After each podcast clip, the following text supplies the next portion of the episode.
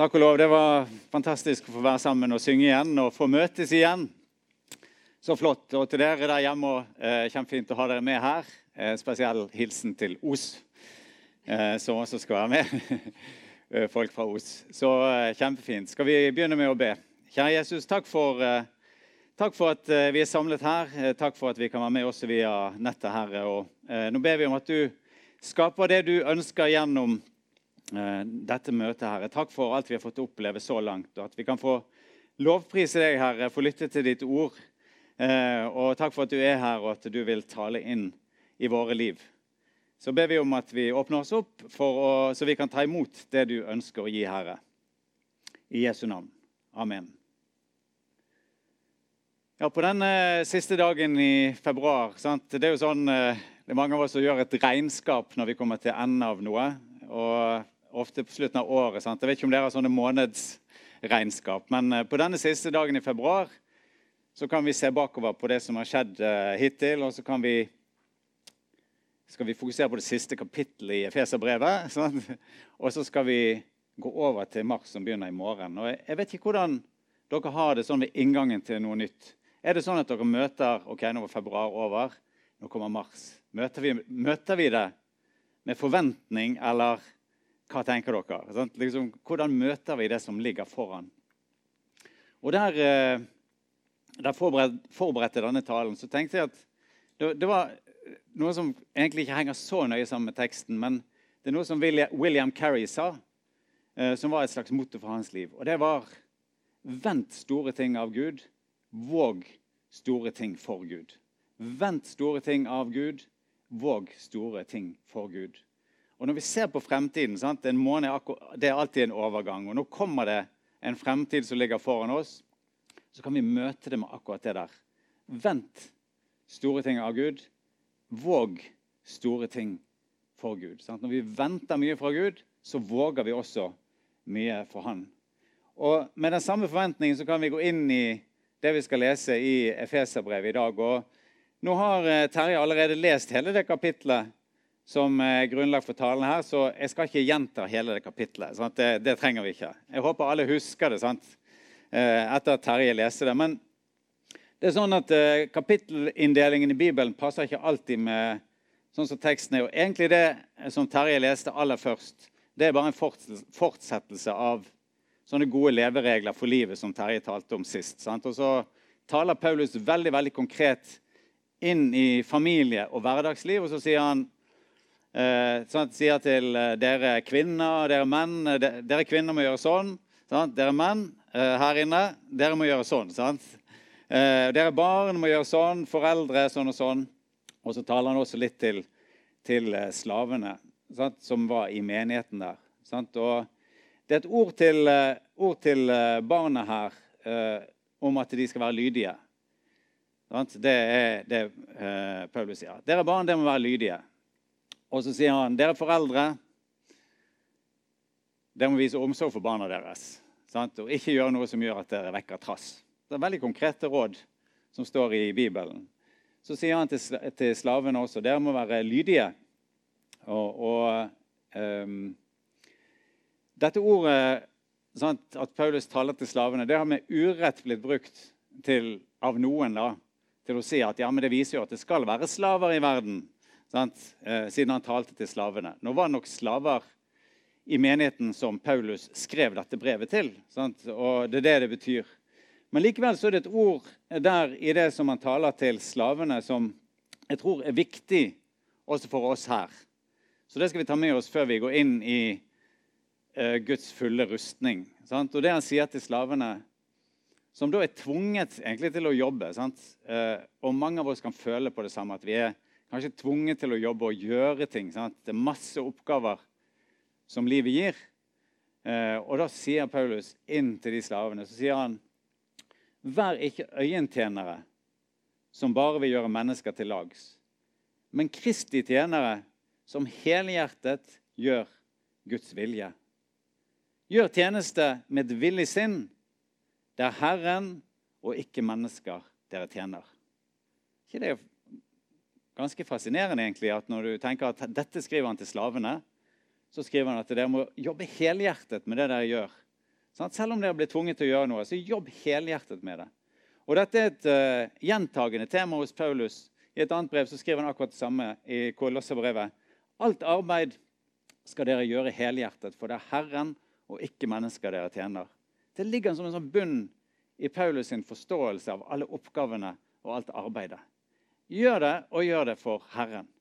Og Vi i Tent, eh, der jeg er leder, vi får lov til å undervise om dette. Sant? Hvordan du kan jobbe hele tiden med et høyere perspektiv og løfte blikket ditt over disse daglige oppgavene som du står i.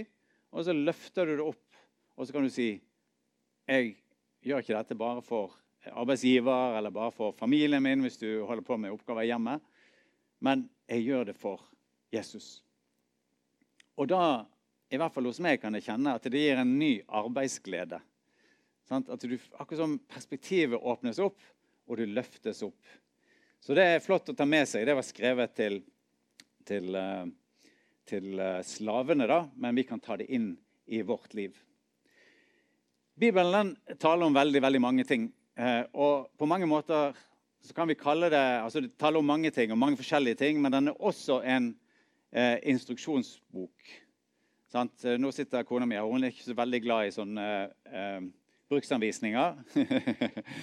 det er ikke det hun leser her, men hun leser Bibelen. da. Og, eh, Bibelen er en slags bruksanvisning for den som har skapt oss. Og eh, en manual fra skaperen. Og vi vet at eh, han som skapte oss, han vil noe med oss. Johannes 10, 10 så står det at Jesus kom for at vi skulle ha liv og overflod. Liv og overflod. Liv og overflod. Eh, jeg har delt det før eh, at eh, jeg kommer liksom fra en mer sånn der bakgrunn der ikke, sånn rent puritansk, men det var likevel sånn at en skulle ikke unne seg for mye. da.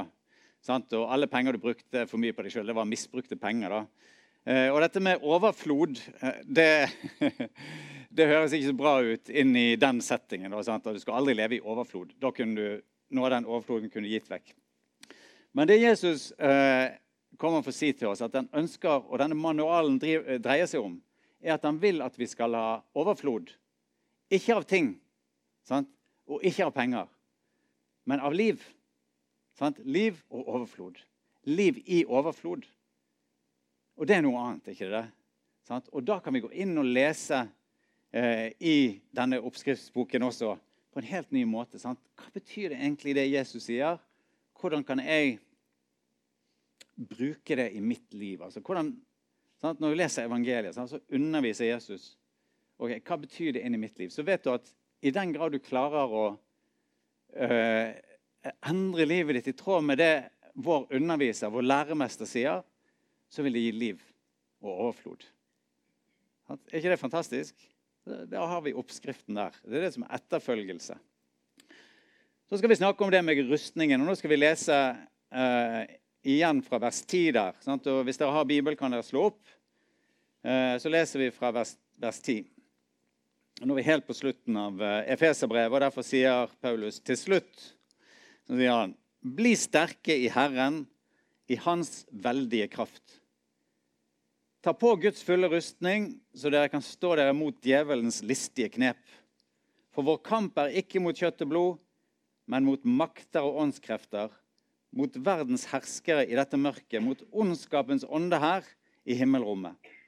Ta derfor på Guds fulle rustning, så dere kan gjøre motstand på den onde dag og bli stående etter å ha overvunnet alt. Stå der fast, spenn sannhetens belte rundt livet og kle dere i rettferdighetens brynje. Stå klar med fredens evangelium som sko på føttene.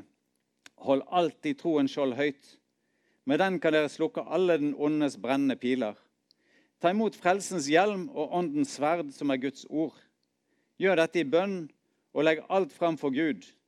Be alltid i ånden. Våk og hold ut i bønn for alle de hellige, også for meg. Be om at de rette ordene må bli gitt meg når jeg skal tale, så jeg frimodig kan gjøre evangeliets, evangeliets mysterium kjent, det som jeg er sendebud for, også mens jeg er i lenker. Be om at jeg ved evangeliet får frimodighet til å tale slik jeg skal. tror vi skal, eh, vi skal sortere litt i den teksten her. Sant? Eh, her står det at eh, det er en oppfordring helt til å begynne med. Hva er oppfordringen i teksten her? Oppfordringen er 'bli sterk i Herren' i Hans veldige kraft. Det er liksom oppgaven her nå. Bli sterk i Herren. Sant? Har du lyst til å bli sterk i Herren? Greta, du har lyst? Ja. Er det noen som har lyst til å bli sterk i Herren i Hans veldige kraft? Ja? OK. Da, da kan vi lese videre her. Hvis du ikke har lyst, så trenger du ikke lese videre. Eh, vi skal bli sterke i Herren med en hensikt. Sant? Og det er at vi skal stå imot djevelens listige knep. Det er hensikten. Og så, eh, for å klare dette, så må vi da ta på Guds fulle rustning. Og så sto det noe eh, Hørte ikke det den teksten du leste, for du har en litt annen oversettelse enn meg. Men det, det sto det er noe som vi skal Av den rustningen som vi kler på oss, da, så er det noe av den rustningen vi skal holde høyt. Jeg vet ikke om dere fikk med dere, jeg skal komme tilbake til det.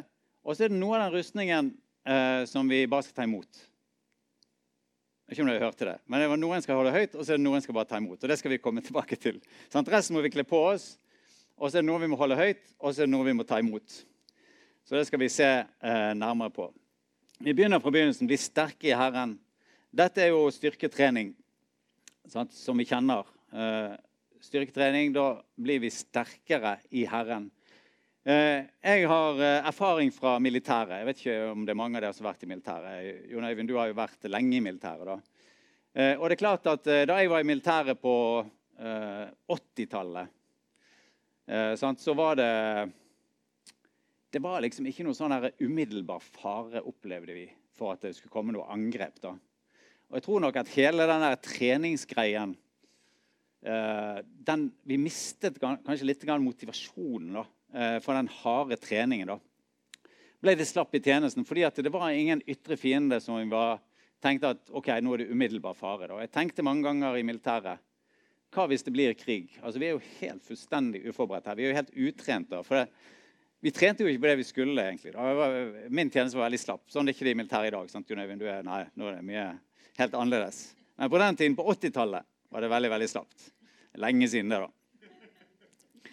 Da, eh, og der, der, tror jeg på samme måte i dette som vi snakker om i dag, at hvis, hvis, eh, hvis en ikke er klar over at en ytre fiende, eller ikke klarer å se at det en ytre fiende, eller ikke opplever at den ytre fienden har noen styrke, så kan en bli veldig veldig slapp i treningen. Sant? Da er det Nei. Det, det, har liksom ingen hensikt. da. Eh, jeg tror at eh, alle For å finne motivasjon så må vi kunne svare på spørsmålet hvorfor. Sant? hvorfor skal jeg gjøre dette her? Sant? hvorfor skal jeg gå gjennom dette treningsprogrammet? Hvorfor, skal jeg, hvorfor, skal jeg, ta armhevninger, liksom? Hvis det ikke er noe poeng for meg å bli sterkere. Sant? Det er ingen grunn til å ta den belastningen. Men, eh, men, hvis vi kjenner den ytre fienden, så blir det plutselig veldig, veldig viktig. Hva står det beskrevet i den teksten i dag? Hensikten. Sant? Hvorfor? Og i, jeg underviser en del om sånn kultur og kulturforståelse. Og da har vi ofte tre sirkler. Den ytterste er det vi gjør. og så Innenfor der ligger det verdier som bestemmer hvordan vi handler. Og så innerst så ligger det som vi kaller verdensbildet, som forklarer hvordan alt er satt sammen i verden. Da. Og der har ulike mennesker ulikt verdensbilde. Og vi, vi, vil, vi, vil, ha ulik forståelse av virkeligheten. Og noen tror at det er en gud, mens andre tror ikke at det er noen gud. For eksempel, og det er verdensbildet vårt. Og det former verdiene våre, og så former det handlingene våre. Og her, eh, fortellingen som vi, eller Det vi leser i dag, teksten i dag, eh, den eh, gir oss egentlig et verdensbilde som vi har mistet i vår del av verden. At mange av oss har mistet det. Selv om vi er kristne og ønsker å følge Jesus, så har vi mistet den forståelsen som ligger i bunnen av teksten, og som svarer på dette hvorfor. Når jeg snakket med en fra India. Sånn, så sa han det er veldig rart med dere vestlige kristne. fordi at Dere har liksom en gud eh, som er her oppe, og så er det mennesket. på en måte, sant? Og så er det et rom der mellom menneske og Gud. Det er helt tomt. Det er helt tomt. Det finnes ingenting der. Ingenting, liksom. Så Enten tror du på Gud, eller så tror du ikke på ham, men det er helt tomt imellom. Og så sier han, her i, her i India da, så er det, det rommet mellom Gud og mennesket det er fylt av alt mulig. Åndsmakter. sant? onde ånder, eh, litt bedre ånder, eh, andre guder. Det ligger der. og skaper liksom røre i dette. Sant? En helt annen forståelse av virkeligheten, som er, gjelder i veldig mange kulturer. Og her er det, tror jeg, vår vestlige kultur sant? Vi trenger å gå inn i Bibelen og så studere hva Bibelen sier er virkeligheten. da. Og så må vi ta det til oss. altså Vi må justere vårt verdensbilde og si ok, det som Jesus taler om, det er sannheten. Det er det virkelige verdensbildet. da. Og Her står det i Bibelen i dag, det vi leste. Sant? Eh, og Det gir svaret på dette hvorfor. Og Der står det at det er åndsmakter, det er djevel, det er makter og åndskrefter. Hele ondskapens ånde her i himmelrommet er der. da. Og jeg vet ikke, Når dere hører dette her, så høres det veldig veldig dramatisk ut. Det, det, halvparten av dette hadde vært nok egentlig til å bli relativt mørkredd om kvelden når en går ut alene. Er ikke, er ikke dere enig i det? Altså hvis, det, hvis dette er tilfellet at det fins en masse åndsmakter, åndskrefter, ondskapens ånde her, den er der rundt oss, og så går du plutselig alene nede Hva heter denne veien som går herfra og så ned til Øyrene torg? Lagslia, der, der, ned langs elven der sant, på kvelden, og det er litt mørkt og ikke så mye gatelys og sånn. Så hører du suse i trærne. Eh, ja, Ville du føle deg komfortabel? Nei, for alt dette er til stede. Fort gjort å bli mørkeredd. Men her har jeg lyst til at vi skal også tilpasse vårt verdensbilde. Jeg slo det opp nå når jeg leste om dette. så slo opp, så Hvor mange ganger er det det tales om engler i Bibelen? Og det, det, Englene er nevnt i Bibelen 273 ganger. Så det er et tydelig fokus i Bibelen. Eh, Satan er nevnt med ved navn 61 ganger og djevelen 39 ganger. Sant? Til sammen 100 ganger. Mens 273 ganger er englene verdt. Så de er mye mer i fokus i Bibelen enn det djevelen er. Og Her tror jeg også at vi eh, som kristne trenger å ta til oss det gode i det åndelige liv. Sant? Ikke bare fokusere på det onde, men bare si at okay, det er en hel eh, hær av engler der ute som faktisk er sannsynligvis ut fra Bibelen da, Bibelens vektlegging er mye mye større enn eh, disse onde åndskreftene. da. Så, og det tror vi må ta til oss. Vi, vi har et alfakurs nå. Der fikk vi dette spørsmålet eh, fra en. da. Sant? Han sa at eh, ja, jeg hører på en del vitnesbyrd fra kristne. da, men så, inntrykk av dere at kristne dere tror jo egentlig ikke på Bibelen. Liksom, sant? For I Bibelen står det jo ikke bare at du er frelst, men det står om at det er masse engler der ute. Men jeg hører aldri norske kristne snakke om engler. Sant? hva tror du på? Tror du på det englene? Tror du at de englene er der? Du Terje, du sier sikkert ja på det. da. Men, eh, men, vi har liksom ikke det. det er ikke det vi holder fram. da, Og det kunne vi kanskje gjøre uh, mer.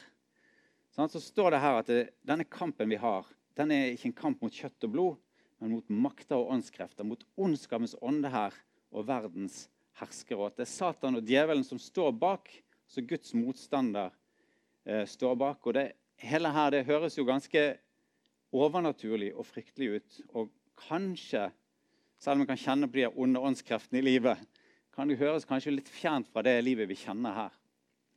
Og Her tar Paulus det hele ned til det virkelige, det daglige liv, opplever jeg i den teksten som vi leser i dag.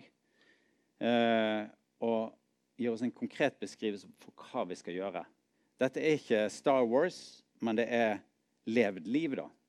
Og Da kommer vi inn på rustningen. Hvorfor brukte Paulus dette bildet eh, med en rustning? For det er jo en krigsmetafor. Sant? Altså, og han understreker nok dette, at det er en krig vi står i. Eh, men så jeg satt og tenkte på dette jeg skulle lese gjennom teksten i dag. Og så tenkte jeg ok, her sitter Paulus og skriver et brev da, sant, eh, til en menighet. Og så sitter han og skriver. Og så står det altså Hvis en eh, ser etter, så Eller i hvert fall alle tror da at dette Efeserbrevet ble skrevet mens Paulus var i Roma eh, i fangenskap.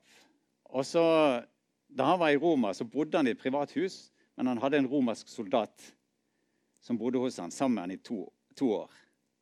Sånn? Og når, forestiller meg når Paulus sitter, Jeg skrev sikkert ikke sånn, for jeg har ikke skrivemaskin, men kanskje sånn. når Paulus sitter og skriver dette brevet sant? Kanskje har denne soldaten blitt en kristen. det vet ikke jeg, Men, eh, men så, så, begynner han å skrive, sant? og så ser han hvordan romerne og de romerske soldatene. Der, han har jo rustningen der hos seg i hjemmet. der. Sant? Hvordan er det de beskytter seg i en krig? Og så, ok, Hvordan er det vi som kristne er beskyttet i den krigen vi står i. Og så kommer dette bildet eh, fram. Sant? At her kan man bare beskrive de enkelte delene. Hadde Paulus vært i Norge i dag, så tror jeg kanskje han hadde skrevet det litt, grann, litt grann annerledes. Sant? Fordi at eh, nå må vi vite hvordan en rustning så ut. Kanskje hadde han i dag skrevet om beskyttelse mot pandemi. Hvem vet? Jeg prøvde å skrive Paulus brev sånn som det ville hørt ut i dag. da. Eh, det, det, er jo, det, er jo, ikke Vi skal gå tilbake til Paulus, for å si det sånn. Men, men da ville han kanskje skrevet Beskytt deg mot ondskapen. Bygg opp en beredskap av sannhets- og rettferdighetsdoser. Ta tre, ta tre kapsler tro hver morgen, middag og kveld for å bygge opp et godt immunforsvar. Dekk deg med vissheten om Herrens frelse, som gir en ugjennomtrengelig beskyttelse. Ta til slutt åndens vaksine, som fyller deg med fredens evangelium. Passet det inn i vår tid? Jeg vet ikke. Vi skal gå tilbake til Paulus. La oss holde oss til Paulus. Sant? Og Samtidig tror jeg det er skrevet ut fra en uh, situasjon uh, som gjør og jeg tror han så egentlig det han beskrev, som gjør at vi trenger ikke å overtolke det bildet han bruker heller. Men sannhet som belte, sier Paulus. Jesus var full av to ting da han kom. To ting. Hva var det Jesus var full av da han kom til jord, ifølge Johannes evangeliet? Han var full av nåde og sannhet. Nåde og sannhet. Der det er mye sannhet, der trengs det også mye nåde. Når vi snakker sant om våre liv, så trengs det mye nåde. Så det er mellom, eh, mellom oss alle. Friheten i å tale sant er også veldig veldig stor. Sånn at, uh, Lyver du, så må du uh, hele tiden leve i frykt for at du kan bli avslørt. At denne løgnen er avslørt. Jeg har delt det før her. Uh, jeg, jeg, hadde jo en tendens til å kjøre for fort. Og da sitter du egentlig alltid og lurer på om du kan Du tenker at du kan jo bli tatt. Så du kjører med en sånn viss frykt for at du kan bli tatt. Og det er veldig stor frihet å kjøre innenfor fartsgrensen. Det kan jeg skrive under på. Jeg har aldri fått fartsbot, men jeg har fortjent det mange ganger. Eh, men det er lenge siden, heldigvis. Takk og lov. men lever du, en, lever du i løgn, så, så, mister du friheten. Da. Eh, du kan miste den for lang, for over lang tid. Jeg tror jeg har delt denne historien før, men jeg skal dele den igjen. Altså, jeg hadde, jeg hadde vi, eh, Foreldrene mine de likte å tippe, sånn tippekupong. Og jeg var den som leverte den. Det var en, en kilometer å gå hver vei for å levere tippekupongen. Og så eh, likte jeg også å samle på sånn fotballkort. sånn at jeg, når jeg leverte den tippekupongen en dag, så falt jeg for fristelsen og kjøpte en pakke fotballkort. Så kostet bare en krone. Det var en tyggis inni der òg. Eh, så fikk jeg de kortene som kom hjem igjen. Men, men, problemet var at min mor hadde veldig nøye regnskap med økonomien. Så hun oppdaget det var en krone som var borte. Og så spurte hun meg mangler en krone her. Uh, kjenner du til det? Så, nei, jeg kjenner ikke til det. en krone som bare Nei, hvordan kan det ha skjedd? liksom, sant? Og så gikk jeg og bar på dette. her. Jeg tror faktisk jeg bar på det i to eller tre år. En løgn. Sant? Og fikk ikke gjort opp uh, den lille tingen. Jeg kunne bekjent større synder her, da, men, uh, men, den lille tingen der. Inntil en dag Jeg husker fremdeles situasjonen også, faktisk. fordi at dette er sånne ting som setter deg fri Eh, situasjonen var ikke spesielt åndelig. Jeg satt og så fotball hjemme på TV. Liverpool mot Borussia Mönchengladbach i serievinnercupen. Og så kjente jeg bare til pause. Det var 0-0. Så kjente jeg dette er en spennende kamp. Jeg opplever at denne kronen jeg stjelte for tre år siden, den tar fremdeles glede fra livet mitt. Nå orker jeg ikke dette lenger. Så gikk jeg ut på kjøkkenet til min mor så sa jeg, for tre år siden så var det en krone som manglet i lommeboken din. Husker du det? Nei, jeg husker ikke det, sa hun. Så jeg, ok, men Det var jeg som tatt den. Jeg tok den. Og så fikk jeg tilgivelse. Og så gikk jeg inn og så resten av fotballkampen med en utrolig mye større glede. Utrolig. Liverpool vant. ja. Liverpool vant, og jeg var fri. jeg var fri til å glede meg fullt ut over det. Sant? Eh, sannheten setter fri. Sant? Sannheten setter fri. Og der tror jeg det er viktig at vi kan, vi kan ta til oss av Guds sannhet Sånn, sannhetens belte om livet. Ta til oss av Guds sannhet. Av nåde er du frelst ved tro. Sånn, se hvor stor kjærlighet Gud har vist deg. Sånn, du får kalles Guds barn. Hva er sannhet, sa Pilatus før han dømte Jesus. Sånn, Jesus sier, 'Jeg er veien, sannheten og livet.' Og livet i overflod. Sånn. Hva er sannhet, sier Pilatus. Er det virkelig sant, sa djevelen, at Gud har sagt. Jesus sier 'Jeg er veien, sannheten og livet'. Det er beltet om livet som vi har der. Sant? Og Beltet det holder buksen oppe, eller rustningen oppe. da. Så det er veldig viktig. Uten belte så mister du eh, bekledningen. da kan ikke du gå i krigen. Så står det 'rettferdighetens brynje'. Sant? Sannhet som belte livet, rettferdighetens brynje. Hva er en brynje for noe? Jeg kunne sikkert Jon Øyvind hjulpet oss. Jeg måtte faktisk slå det opp, fordi at, uh, jeg visste ikke det. Men det er faktisk en heldekkende slags nesten genser som var lagd i sånn, vevd i sånn uh, med sånn metalltråder. Uh, vi har sett det på TV. og det er brynja. Det dekker oss. Og den skulle være sterk nok til at du kunne tåle hogg med sverdet uten at det kommer gjennom denne brynjen din. Da. Sånn at det var veldig god beskyttelse i, i, i det. Uh, og her er det rettferd, altså rettferdighetsbrynje. Rettferd kjenner vi på norsk. Sant? Rett og ferd. Altså det å leve rett, det er rettferd. Men rettferdighet er også å bli behandlet eller behandle andre riktig. Og det er en viktig del av Guds rike. Når vi kjemper på, for rettferdighet, og det kan vi bare vite i utgangspunktet Når du kjemper for rettferdighet, så kjemper du på Guds side. Bibelen taler veldig mye om dette. Hjelp fattige og farløse til å få sin rett, står det i salmene. Rettferdighet løfter et folkeslag, men synd er en skam for folkene, sier ordspråkene. Fortsetter. Herren avskyr den urettferdiges vei, men elsker den som jager etter rettferdighet.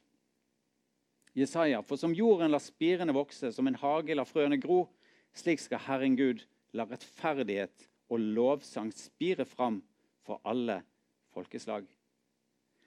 Kampen mot urett er en sentral del av kallet for alle som vil følge Jesus. Og Det kan være på det personlige plan. Kanskje opplever du sant? Det kan være på et veldig lite plan. Kanskje opplever du at det er noen på jobben din som blir eh, behandlet urett.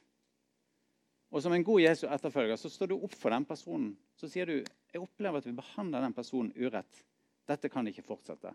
Vi må følge Jesus. Hvis du er på en kristen arbeidsplass, sier du vi må følge Jesus. Sånn er, du, er, du, ikke det, så sier du likevel sånn, på Guds vegne så sier du dette.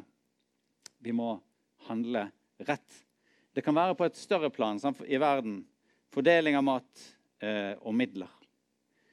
Og eh, jeg vet ikke om det er mange her som er opptatt av rettferdighet. Og det skal vi få lov til å være som Jesu etterfølger. Og vi ønsker å gå inn i den kampen. Og inn i denne kampen er det neste ord kommer til oss, som er et sånn vanskelig bilde, syns jeg. da, Og det er at vi skal ha fredens evangelium som sko på beina. Det hører jeg, jeg, jeg, jeg liker ikke Etter å ha bodd i muslimske land så liker jeg ikke at Bibelen blir lagt på gulvet. Og jeg liker enda mindre hvis noen tråkker på den. Men det å ha fredens evangelium som sko eh, på beina hva betyr det? Jeg tror at eh, Kanskje så Paulus på støvlene til han eh, soldaten han bodde sammen med. Sant? Og Vi har alle sett bilder og kanskje hørt også eh, soldater i, som marsjerer i takt. Og du hører på en måte lyden av krig når de tramper sant, av gårde. Det er lyden av krig som kommer der. Vi kan la oss skremme det. Jeg, selv i fredstid så syns jeg det er litt urovekkende når de tester de her sirenene i samfunnet vårt. Fordi det minner så veldig om krig. Du, du, kjenner bare Kjære Gud, at jeg håper aldri får høre den sirenen på alvor. Sant? Så det minner så veldig om krig. Men Istedenfor å komme med disse her eh, støvlene da, som tramper og bringer bud om krig, så får vi lov til å komme med ikke med militærstøvler, men med, med fredens evangelium som sko på beina. Sant? Er noe helt annet. Det er noe som går stille fram. Og jeg tror I dette så ligger det en oppfordring til at i denne kampen for rettferdighet og for det som er rett, så skal vi ikke trampe inn i noen situasjoner. Og ikke trampe inn i andres liv. Og ikke tråkke på noen. Men vi skal få være Vi skal få komme med fred. Og vi skal få bringe fred der vi kommer. Og så skal vi gjennom fred få kjempe denne kampen. Så kom vi til det første som vi skulle løfte. Hva var det vi skulle løfte for noe i det som står i uh, Bibelen, den 2011-oversettelsen? Det er første oppfordring. I tillegg til å kle på seg, så er det troens skjold som vi må holde løftet. Det betyr at garden må være oppe, vil de sagt, i, i uh, boksingen. sant? Uh, alltid ha den beskyttelsen klar. Uh, jeg tror det er viktig å vite her at motstanderen vår, Satan, kommer fra hebraisk. Det betyr Hva betyr Satan? Det betyr anklageren. Den som anklager oss. Djevelen det kommer fra gresk diabolos. Hva betyr det? Baktaleren. Sånn, anklageren og baktaleren. Mot disse to, anklageren og baktaleren, så må du alltid holde troens skjold høyt. Sånn, og så har du livgiveren i Jesus. Sånn. Og Spørsmålet er hvilken stemme vil du lytte til? Sånn, hvilken stemme er det som får tale inn i ditt liv? Og Her tror jeg vi trenger egentlig dette troen sjøl for å lytte til riktig eh, stemme. Eh, og lytte til det Bibelen eh, sier om oss. Anklageren sier 'du duger ikke'. Det er anklagens hovedbudskap. Sant? Du duger ikke. Se på ditt eget liv. Se på synden i livet ditt. Du er ingenting. Sant? Og Gud kan ikke bruke det til noe. Det er anklagerens tale.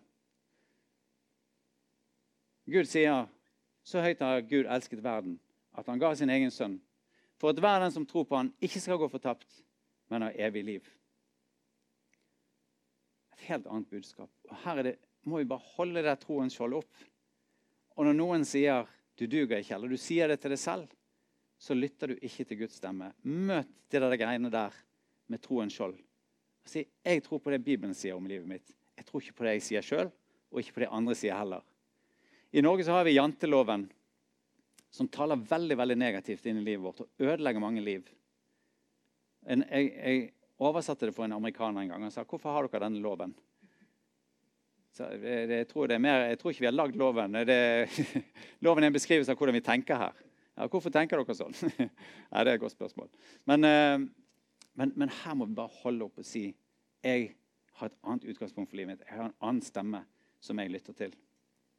Og Det leder oss over til de to, de to tingene som vi bare skal ta imot, eh, ifølge 2011-oversettelsen. Eh, det er to ting vi må ta imot i denne rustningen. Det ene er frelsesens hjelm. Sant? Og Hjelmen vet vi, den beskytter hodet.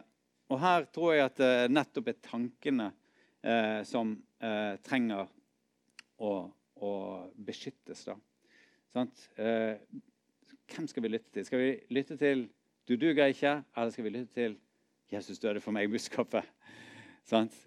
skal vi lytte til eh, at vi bare skal leve i vår synd videre, eller skal vi leve i Guds nåde? Og her skal vi ta til oss liksom dette budskapet som Bibelen har om frelse, rett og slett. Om nåde. Det er ett brev til som skriver om denne rustningen vi skal ha på oss. Det er Tessalonika-brevet. Der står det at denne hjelmen vi tar på oss, det er håpet om frelse som hjelm. Ikke bare frelse, men håpet om frelse. Eller i den ene engelske oversetten så står det eh, 'sikkerheten om Guds frelse'. Det er hjelmen vår. Sant? At jeg får være sikker på at jeg er frelst. Jeg vet ikke hvordan du har det, om du er sikker på at du er frelst, at du har del i det evige liv. Kanskje ser du ditt eget liv sånn som jeg også ser mitt. Og så ser du rundt det, så ser alle egentlig mye mer prektigere ut enn det du gjør sjøl. Jeg vet ikke om dere har, har dere det sånn? som jeg har det. Eller kanskje, kanskje, dere, ser, kanskje dere tenker annerledes. Problemet mitt er at jeg ser alt det som foregår på innsiden her også. Altså, jeg, jeg, jeg, har et overblikk over alle disse greiene her inne. Og det syns ikke for dere. da. Og Derfor ser jeg kanskje ganske mye mer prektig ut enn det egentlig er. da, For her inne er det veldig mye rart. Sånn, og så Når jeg ser rundt på, på de, alle de andre, så, så ser de prektige ut. Så tenker jeg eh, OK, det er, noe, det, det, er noe, det, er noe, galt med meg. sant? Altså, de, eh, de stiller foran meg i køen på vei inn til himmelen. på en måte, sant? Alle disse andre. Foran i koronakøen, vaksinekøen. sant? Men her er det frelseskøen. De stiller foran i frelseskøen.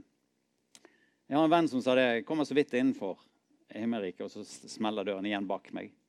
Sant? Det var hans liv en beskrivelse av hans liv.